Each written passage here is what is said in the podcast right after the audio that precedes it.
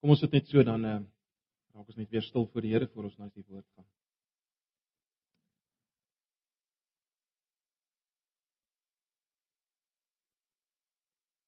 Ag Here, hoe wonderlik is dit om U te aanbid met ons sang.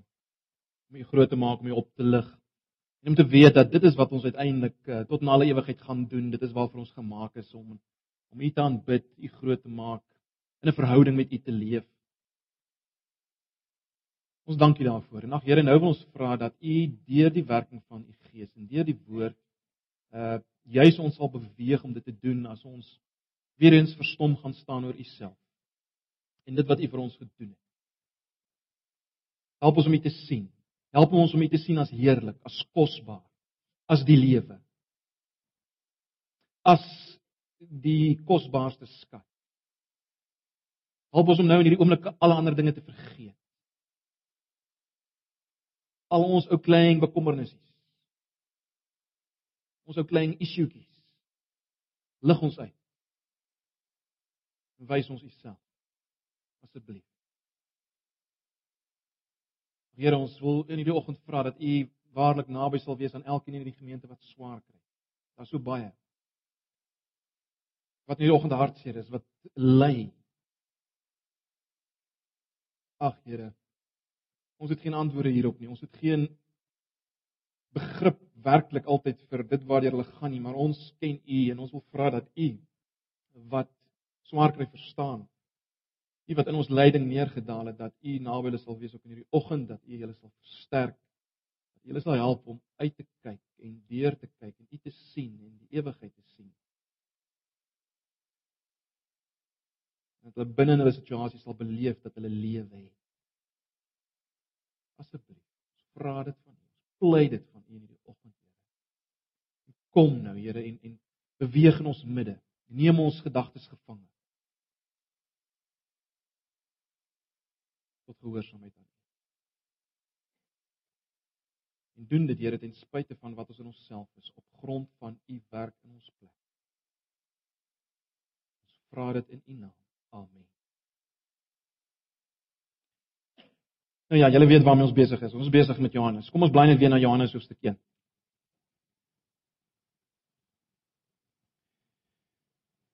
Volgende is ons derde maal en ons laaste keer wat ons uh, besig is met Johannes hoofstuk 1. Ehm uh, Die eerste 18 verse, ons het dit in 3 afdelings behandel en volgende kom ons by die laaste deel. Ek wil tog graag hê dat julle julle Bybel sal oopmaak. Ek sien nog mense wat met tyd hier sit en nie 'n Bybel het nie. Dit ehm um, die hele doel is dat ons self uit die skrif moet sien dit wat daar staan, né? Nee, julle moenie my glo nie. Net praat ek nonsens. Kyk, is dit daar? Kan ek dit raak sien? sien ek dit self? Dis julle gedagte. So wil tog vra dat julle werklik julle Bybels altyd sal saambring. Kom ons lees die uh die eerste 18 verse. Ek lees maar die 83. Ehm um, waar dit nodig is, sal ek opmerkings maak oor vertaling. Maar kom ons lees uh vers 1 tot 18 net weer. En dan gaan ons fokus op vers 5 tot 13 vir al vanoggend. In die begin was die woord daar en die woord was by God en die woord was self God. Hy was reeds in die begin by God. Alles het deur hom tot stand gekom. Ja, nie 'n enkele ding wat bestaan het sonder hom tot stand gekom nie. In hom was daar lewe en die lewe was die lig vir die mense. Die lig skyn in die duisternis, die duisternis kon dit nie uitdoof nie. Daar was 'n man wat deur God gestuur is. Sy naam was Johannes. Hy het uh, gekom om getuienis af te lê. Hy moes van die lig getuig sodat almal deur hom tot geloof kon kom.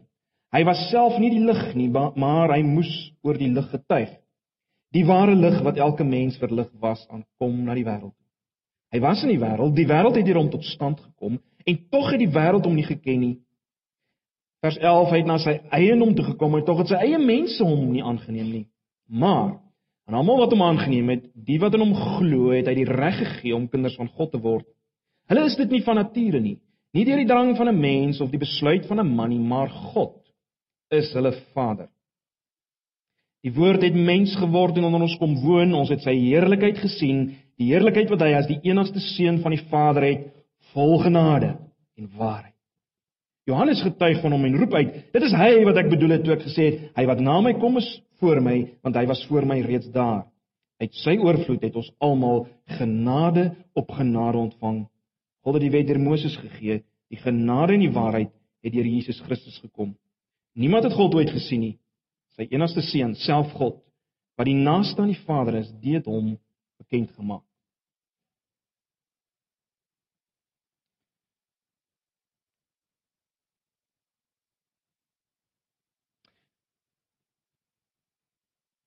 Johannes die man wat uh, volgens die brief 1 Johannes Jesus gesien het aan hom gevat het so seker soos ons mekaar nou sien en aan mekaar kan vat het hy aan Jesus van Nasaret gevat en hom gesien met hom gepraat. Hierdie Johannes kom in sy evangelie hierdie evangelie waarmee ons besig is in hoofstuk 20 vers 31 en hy sê uh, of laat ek so stel hy maak die die die verrassende die radikale stelling dat alles wat hy skryf het hy geskryf sodat ek en jy kan lewe hê deur te glo in hierdie Jesus. En uh dit behoort ons onmiddellik te laat regop sit, né? Nee, dit behoort onmiddellik ons te laat wakker skrik want die oomblik as ons so 'n stelling sien dan beteken dit dat dit moontlik is om nie lewe te hê nie. Dis moontlik om volgende hier dalk te sit en nie lewe te hê nie, nie te glo nie. So onmiddellik ehm uh, word mens gekonfronteer hiermee, né? Nee. En onmiddellik vra mense die vraag maar maar glo ek, lewe ek? Of jy behoort hierdie vraag te vra. Maar maar nog meer as dit, op 'n volgende vlak behoort jy te vra maar hoe op aarde eh, kan dit wees dat geloof in hierdie Jesus lewe gee? Hoe werk dit? Hoekom is dit so? Nou dis waarna ons verlede keer gekyk het en ek gaan nie alles herhaal nie. Ek wil net hê ons moet weer daar aanhak uh want dit is belangrik. Ehm um, ons het mekaar verlede keer gesê dat lewe is moontlik deur Jesus van Nasaret omrede hy die woord van God is. Dis hoe hy genoem word in vers 1. Jy sien, hy's meer as Jesus van Nasaret. Dis die hele punt. Hy's die woord sê vers 1. Dis hoekom daar lewe onmoontlik is, maar maar hoekom? Wat bedoel ons daarmee?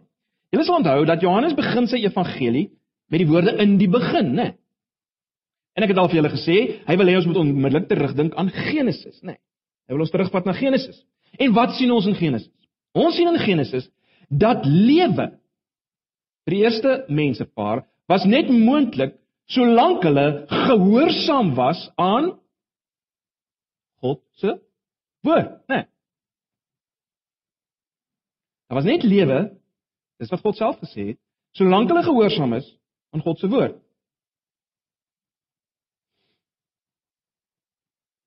As hulle ongehoorsaam sou wees aan God se woord, sou hulle sterf. En ons weet wat gebeur het. Ons weet weet hulle was ongehoorsaam.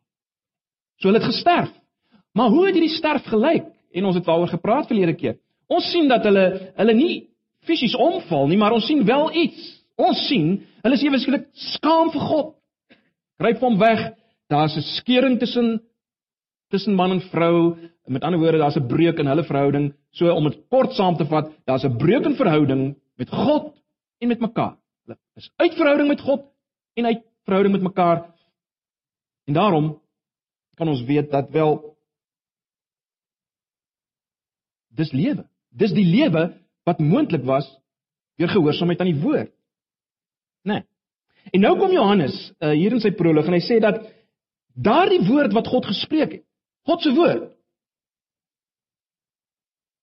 God se woord waardeur hy homself uitgedruk het, homself bekend gemaak het. Daardie woord het mens geword volgens vers 14 in Jesus Christus. Nee, daardie woord het mens geword en uh onder ons kom woon sy in vers 14. En in hom was met ander woorde hierdie lewe waarvan hy nou gepraat het. Werklike lewe, meer as fisiese lewe, lewe wat bestaan uit 'n verhouding wees met God en mekaar. Daardie lewe was in hom, hierdie Jesus. Hoekom? Hoekom was dit net in hom? Wel, dis wat ons ook alreeds gesien het in Johannes. Hoekom? Want hy was aan die begin by God. Selfs meer as dit, hy was self God.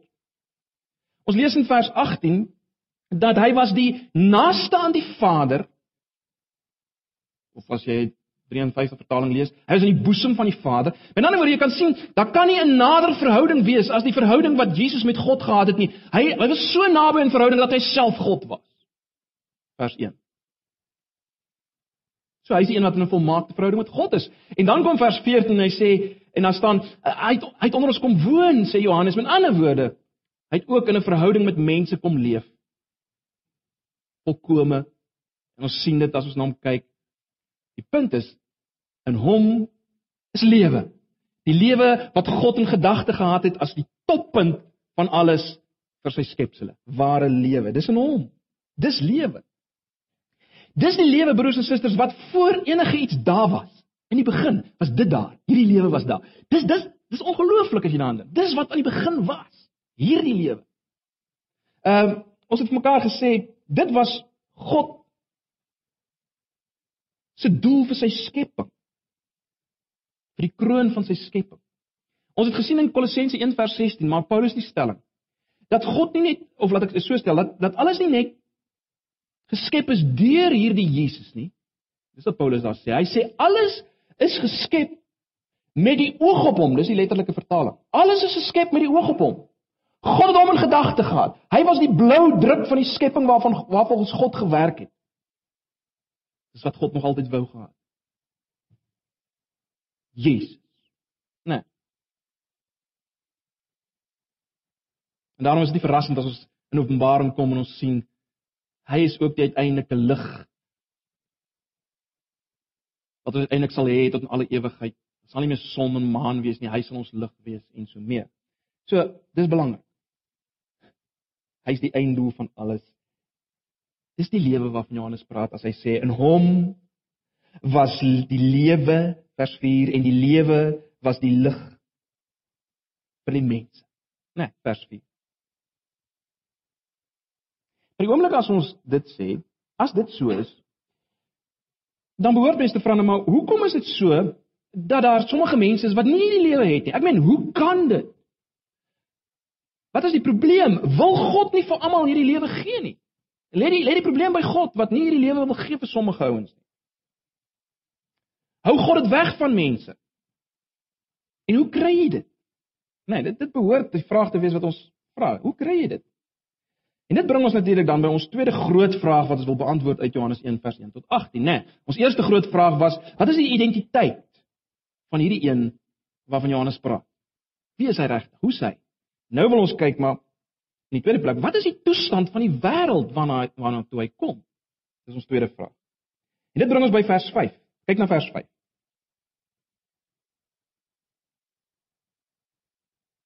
Die lig skyn in die duisternis Die duisternis kon dit nie uitdoof nie.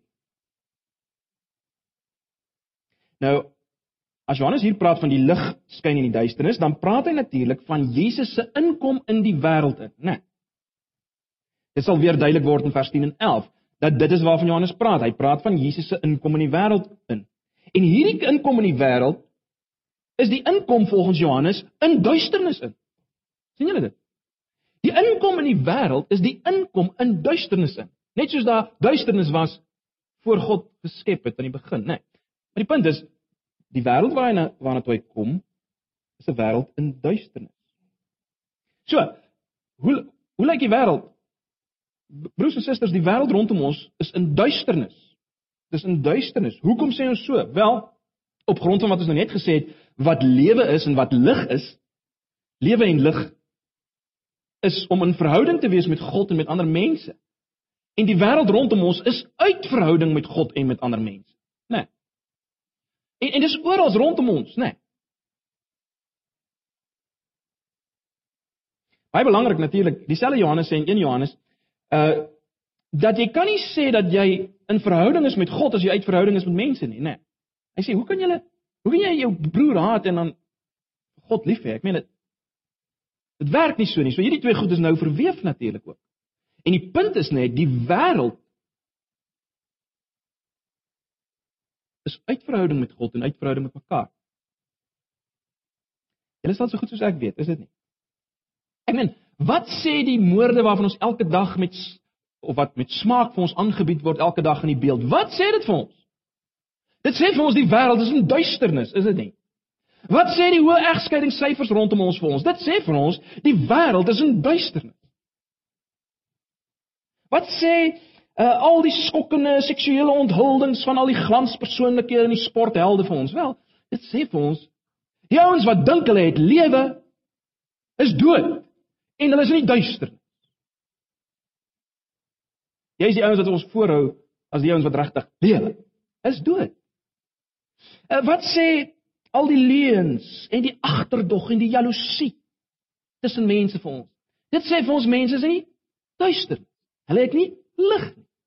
Nee, in die lig van in die lig van wat ons nou net gesê het. Wat sê al die skinderpraatjies en die agteraf gekonkel tussen mense? Wat sê dit? Dit wys mense is in duisternis. Al sê hulle wat, En al bely hulle wat? As hulle uit verhouding uit is, is hulle in duisternis. Né? Nee. Al die disfunksionele gesinne. Duister. En ons kan aangaan hiermee met allerlei voorbeelde, maar is nie nodig.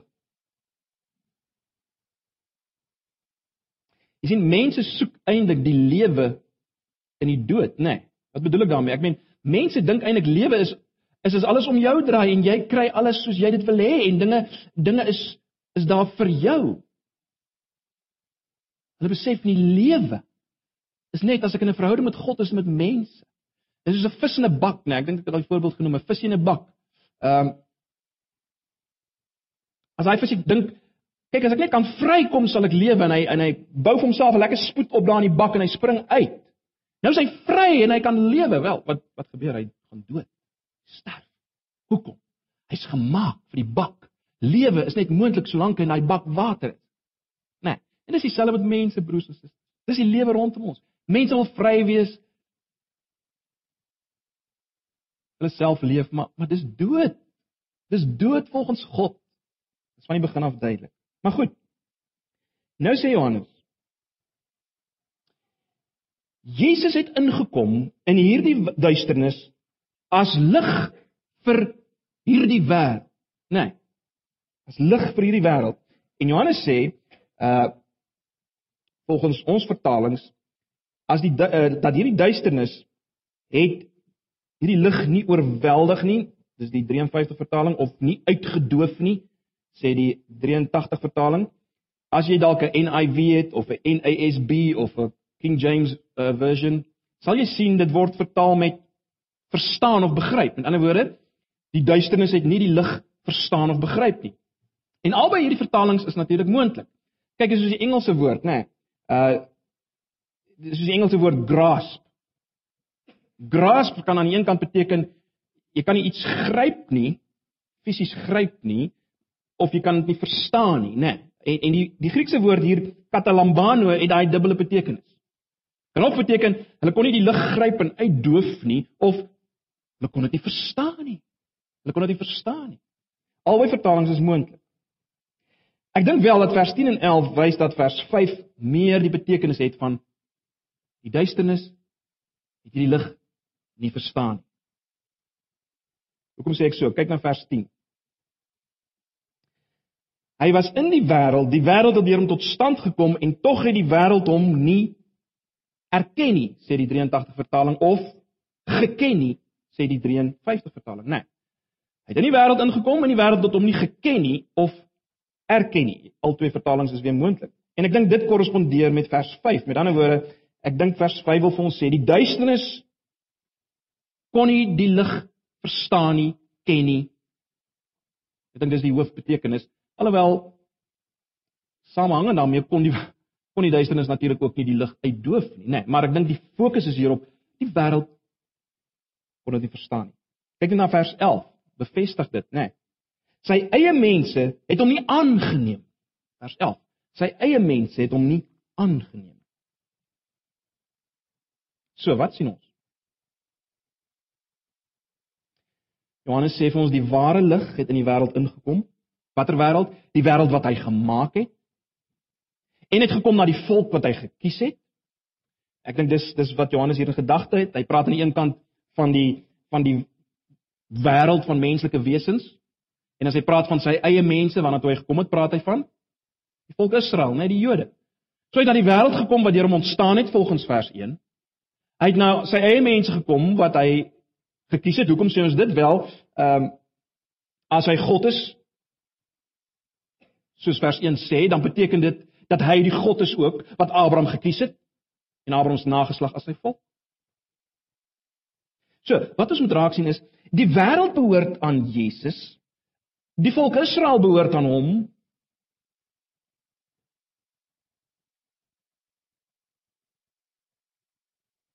Maar hom nie aanvaar nie. Hy selfs meer as dit. Kyk na vers 9. Kyk na vers 9. Vers 9 sê die ware lig wat elke mens verlig was na die kom was aankom na die wêreld. So hy's nie net die een wat die wêreld geskep het en wat Israel gekies het nie, as sy eie mense nie. Hy's ook die een wat die ware lig is vir elke mens. Nou nou wat beteken dit? Dit beteken waarskynlik dat Christus se lewendgewende lig word aangebied aan almal as die enigste ge, uh, geneesmiddel. Nee. Elke mens kan verlig word deur hom, dis die gedagte. Ehm uh, met ander woorde wat ek probeer sê is dit dit, dit kan vergelyk word met met 'n dokter wat sal sê hierdie griepinspuiting werk vir almal.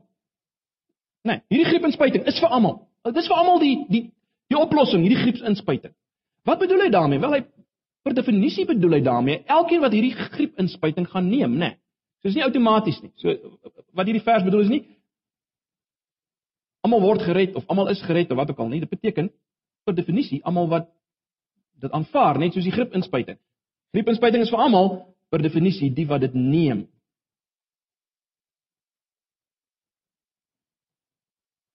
So, die ware lig wat elke mens verlig beteken wat elkeen verlig wat dit ontvang. Maar goed, die groot punt is dit en dis die skokkende wat ons moet sien, nê. Nee. Wat is die skokkende? Ten spyte van die feit dat hierdie Jesus die woord was in wie die ware lewe is, deur wie alles geskep is, wat die volk Israel gekies het, ten spyte daarvan word hy nie aanvaar nie, word hy nie aangeneem nie. Hy word verwerp, né? Nee. Die duisternis, die wêreld verwerp hom. Hulle verstaan hom nie of begryp hom nie en natuurlik kan hom ook nie uitdoof nie vers 5. Verstaan hom nie, hulle begryp hom nie. Vers 10, hulle erken of ken hom nie en vers 11, hulle neem hom nie aan nie. sien julle dit?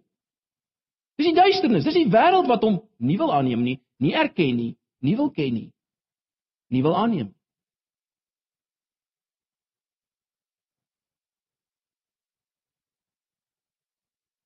So wat moet ons vat? Ons moet vat broers en susters dat mense is in duisternis nie omdat God nie vir hulle wil lig gee nie. Hulle wou nie die lig aanvaar nie. Dis wat hier staan. So die probleem is nie by God nie. Die probleem is by die mens en ons weet dit al begin by die sondeval, né? Die mens het die lewe verwerp. Die mens het al daar nie die woord aanvaar nie. Hierdie woord wat uiteindelik mens geword het in Jesus, reg aan die begin het mense nie hierdie woord aanvaar. Die woord waarin lewe is. Hulle wou nie lewe gehad. Die lewe wat bestaan uit verhouding met God met mekaar.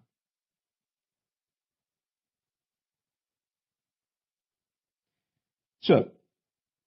Die probleem lê nie by God. Dit lê by die duisternis. Let op. Hoe reageer God op hierdie duisternis? Dis geweldig. In vers 5 het ons gelees die lig skyn in die duisternis, die duisternis kon dit nie Ons het nou gesê die beter vertaling is waarskynlik ken nie of uitdoof nie. En dan vers 6. Daar was 'n man wat deur God gestuur is. Sy naam was Johannes. Hy het gekom om getuienis af te lê. Hy moes van die lig getuig. Hoekom? Sodat almal deur hom tot geloof sou kom. So wat wat doen God? God stuur 'n man. So God reageer op die duisternis. God reageer net wel. Hy reageer. En wat doen hy? Hy stuur 'n man. Waarvoor stuur hy hom? Hy stuur hom sodat almal deur hom kan glo. En ons het gesien, deur glo is daar lewe. Dis wat God doen. En belangrik, ons sal nou sien hoe dit wat ons hier sien samehang met wat God nog doen. Wat doen God nog? Wat doen God nog in reaksie op hierdie duisternis? Hoe triomfeer die lig uiteindelik oor die duisternis? Wat doen God? Wel, dit bring ons by vers 12 en 13, né? Nee, kyk na vers 12 en 13.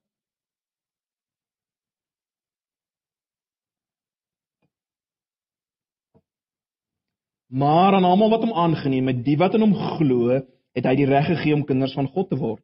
Vers 13: Hulle is dit nie van nature nie, nie deur die drang van 'n mens of die besluit van 'n man nie, maar hulle is uit God gebore. So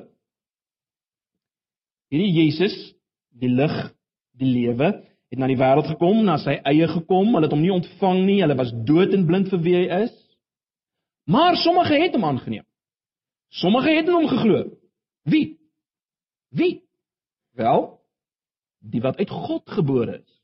Nee, die wat uit God gebore is, het in hom geglo.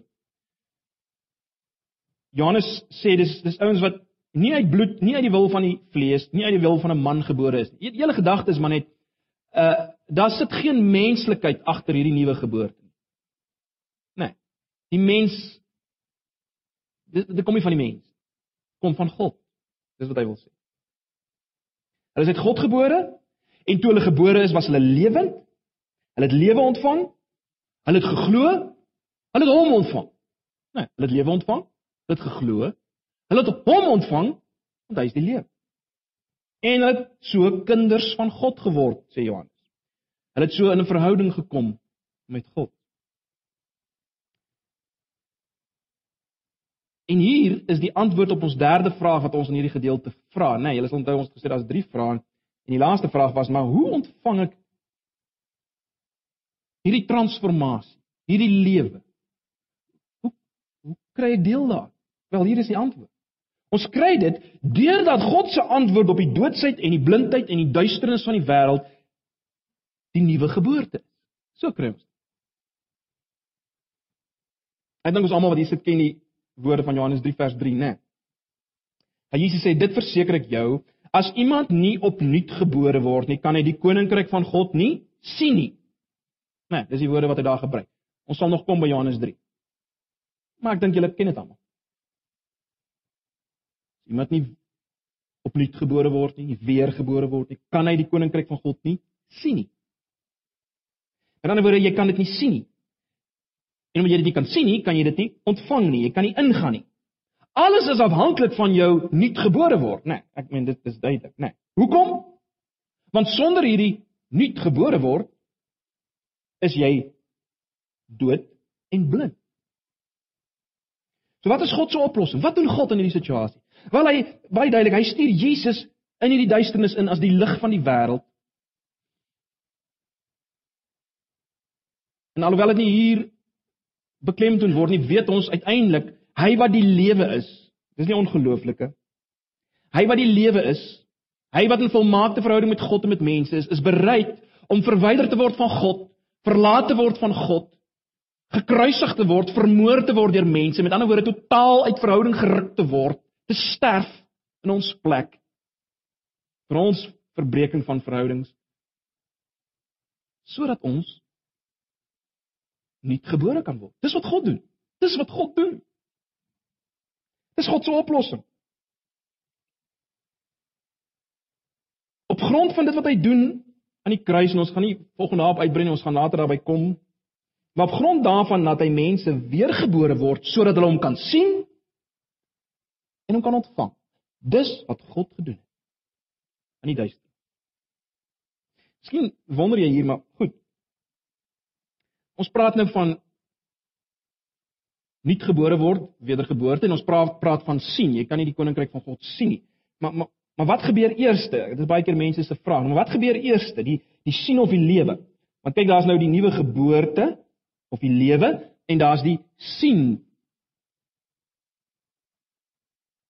Of as jy dit anders wil stel, daar's die geloof. Daar's die ontvang van Jesus. So daar's die daar's die nuwe lewe, die nuutgebore word, en daar's die sien, daar's die geloof, daar's die ontvang van Jesus. Wat is eerste? Is die een voor die ander een?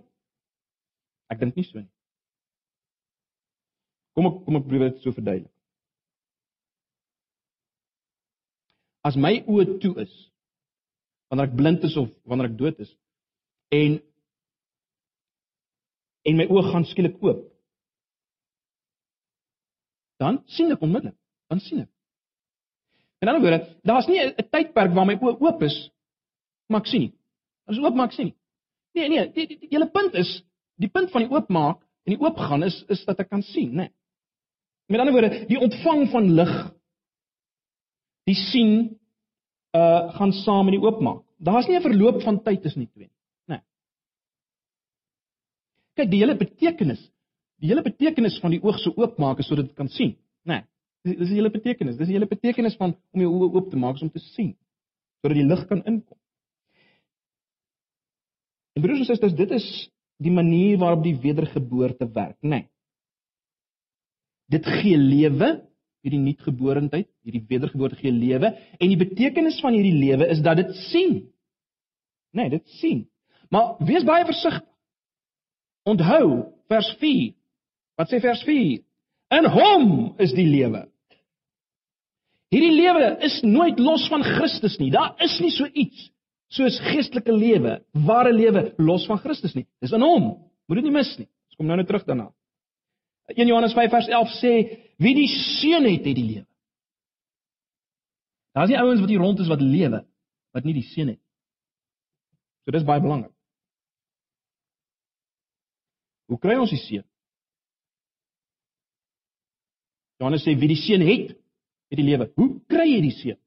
Hoe ontvang jy die seun? Wel vers 12. Almal wat hom aangeneem het, die wat in hom glo.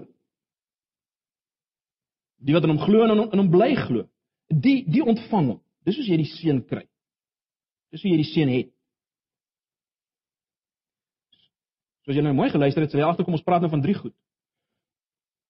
Ons het nou drie dinge wat ons sê eintlik terselfdertyd gebeur. Nee, hulle by. Ons ons sê nou eintlik drie dinge gebeur terselfdertyd, nê? Nee, ons sê daar's 'n daar's 'n nuwe geboorte. Ons sê daar's sien En nou het ons gesê, wel daar's ook glo en aanneem. So as drie goed. sien? Althans nuwe geboorte, sien en glo en aanneem.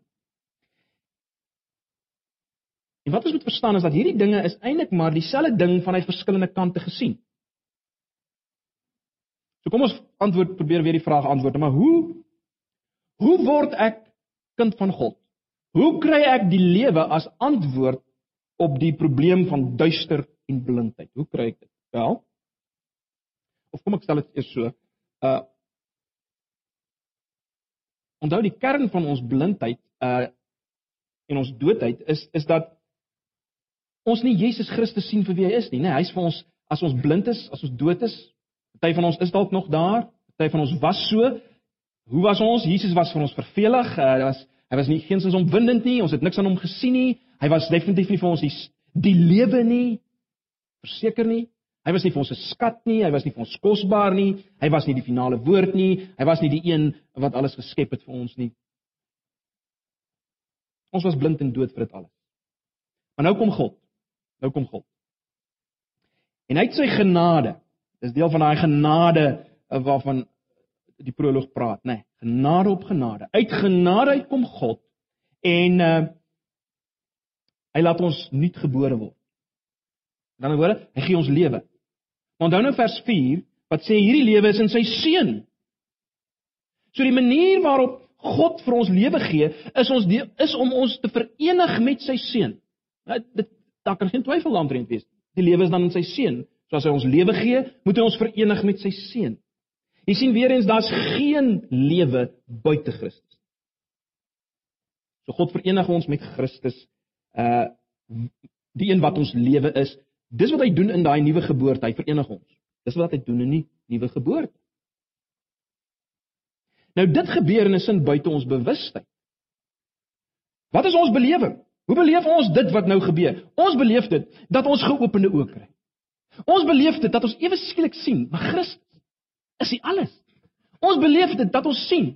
Hy is die lewe. Ek meen, daar's niks buite hom. Hy's die kosbaarste skat. Hy's alles. Ons beleef dit dat sy heerlikheid genade en waarheid as te ware op ons skyn? Nee, dis hoe ons dit beleef. Dit stroom in ons harte in. Wat noem ons dit? Ons noem dit geloof. Maar ons kon dit ook wedergeboorte noem uit 'n ander hoek gesien. Ons kon dit noem die sien met nuwe oë. Ons kan praat daarvan dat ons verenig is met Christus. Nee. En wat het ons nou? Wat het ons nou? Nou het ons lewe. Ewige lewe. Ware lewe. Lewe in hom. Die punt wat ek wil maak is daar's geen tydsgaping nie, nê. Nee. Die opening van ons oë en die sien van wie hy is. Die ontvang van hom, die glo in hom, dis gelyktydig.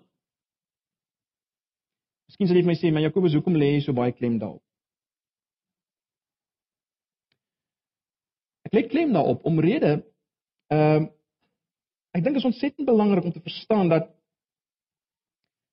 as Jesus ons oproep om in hom te glo, soos hy dikwels doen, ons sal nog daarby kom.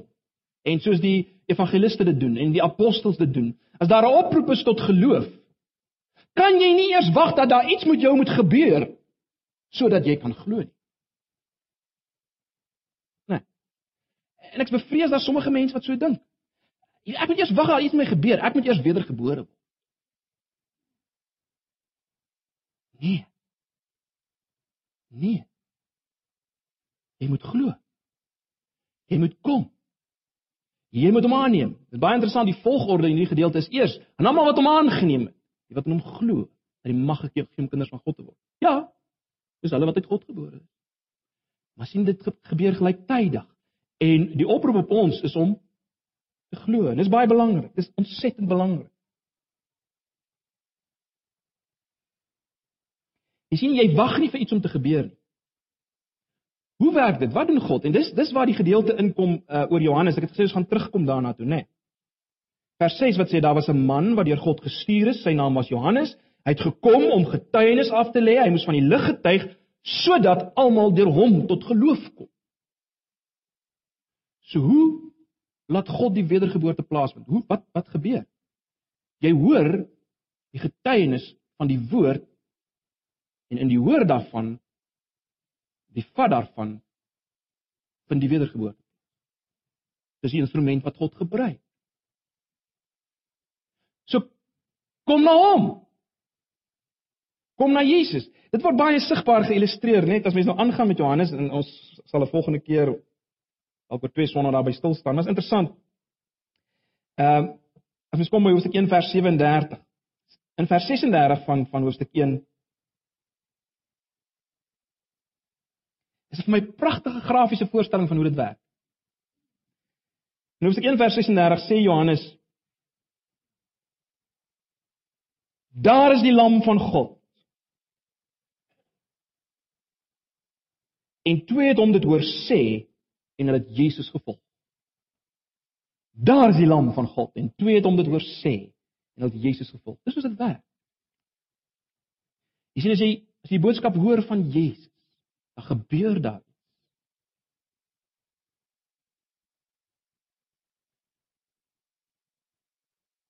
Jy glo, jy volg, jy neem aan.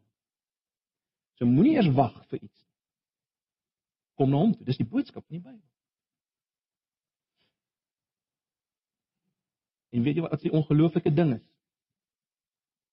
Dis God wat jou nuut gemaak het sodat jy kom en glo en hom aanneem is God se werk, dis sy wedergeboorte. Maar hierdie goed is te mekaar gewewe. En dit is baie belangrik dat ons dit nie uh sal uitmekaar haal en en uh onsself verknies en in 'n tydperk bly wat ons uh sê wel iets, iets moet eers gebeur met my. Nee. Kom na Jesus. Kom na Jesus. Die klem broers en susters, nou sluit ek af. Die klem is op Jesus in hierdie hele gedeelte. Ek wag nie dat iets met my moet gebeur buite om hom nie. Daar kan niks gebeur buite om hom nie. Wat in hom is die lewe. Dit gebeur alles in hom en deur hom. Moenie wag dat iets buite hom met jou gebeur nie. Moet ook nie glo buite hom nie. Jy jy jy glo nie. Maar net as glo nie. Jy glo in hom. Nee. Niks Dis buite hom. Daarom roep ek jou op as jy vanoggend nog iemand sit wat dalk nog sit en wag dat iets hom moet tref. Niks gaan jou tref nie, jy moet kom. Kom. Kom. Kom. Dis die misterie van God se werk. Ek gebruik altyd die voorbeeld van Jesus wat Lazarus roep. Lazarus is dood, mors dood al 3 dae. En Jesus sê Lazarus kom uit. Lazarus luister en hy kom uit. Hoe kan hy luister? Hy's dan dood. Maar hy moet luister. In die woord van Jesus wat kom na hom is daar krag en hy word omgedraai en hy kom en hy lewe. En daarom sê ek volgens julle kom kom nou. Jy sal lewe. Almal wat hom aangeneem het en hom glo, die reg gekry om kinders van God te word. En as iemand is wat sê wel ek is lankal kind van God, ek glo ek het die lewe. Wat sê hierdie gedeelte vir my? Wel Ek hoop jy sien wat is die oplossing vir die duisternis van die wêreld. Die oplossing is mense wat getuig van die lig. Jy's nooit self die lig nie. Net soos Johannes nie die lig was nie. Hy moes getuig van die lig. Sodat mense tot geloof kan kom. Jy moet getuig van die lig. En mense sal tot geloof kom. Dis wat God gebruik. Dis hoe God wederbaar. As ons getuig van die lig. So mag die Here ook hierdie woord gebruik om ons te te lanseer om om besig te bly met een ding en dit is die die uitlig van wie Jesus is, die grootmaak van Jesus, die getuig van Jesus, soos ons uh, volgende week prakties gaan sien Johannes doen. Daar is die lam. Hy's meer as ek. En dan kom die aan. Dan gebeur dit. Uh dis waarmee ons moet besig wees broers en susters. Met Jesus. Nie met allerlei slim teologiese argumente nie, maar met Jesus. Wys wie hy is. Kom ons bid saam.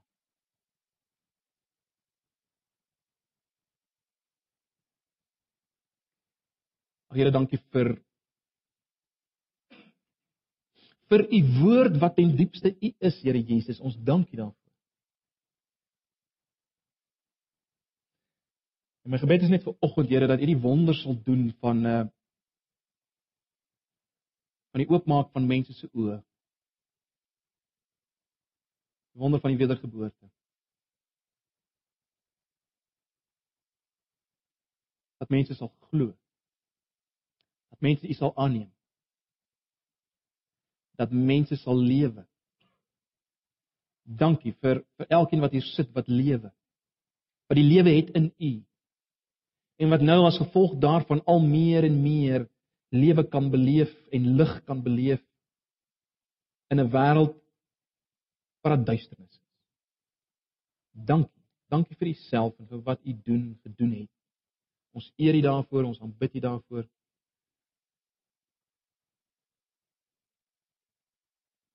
Dankie dat U Here Jesus vol genade en vol waarheid is. Hoe wonderlik is dit om te weet dis ons God. Vol genade en waarheid. Die een wat lewe gee. Vir ons gebed is ons vra Here dat U al meer en meer en meer self in ons sal openbaar as kosbaar, as heerlik, as die lewe, as die kosbaarste skat. Ag, wil jy ons al meer opgewonde maak oor Uself. Want U is dit waar. Ons vra hierdie dinge in U wonderlike naam, Here Jesus. U die koning van alle konings en die Here van alle Here. Amen.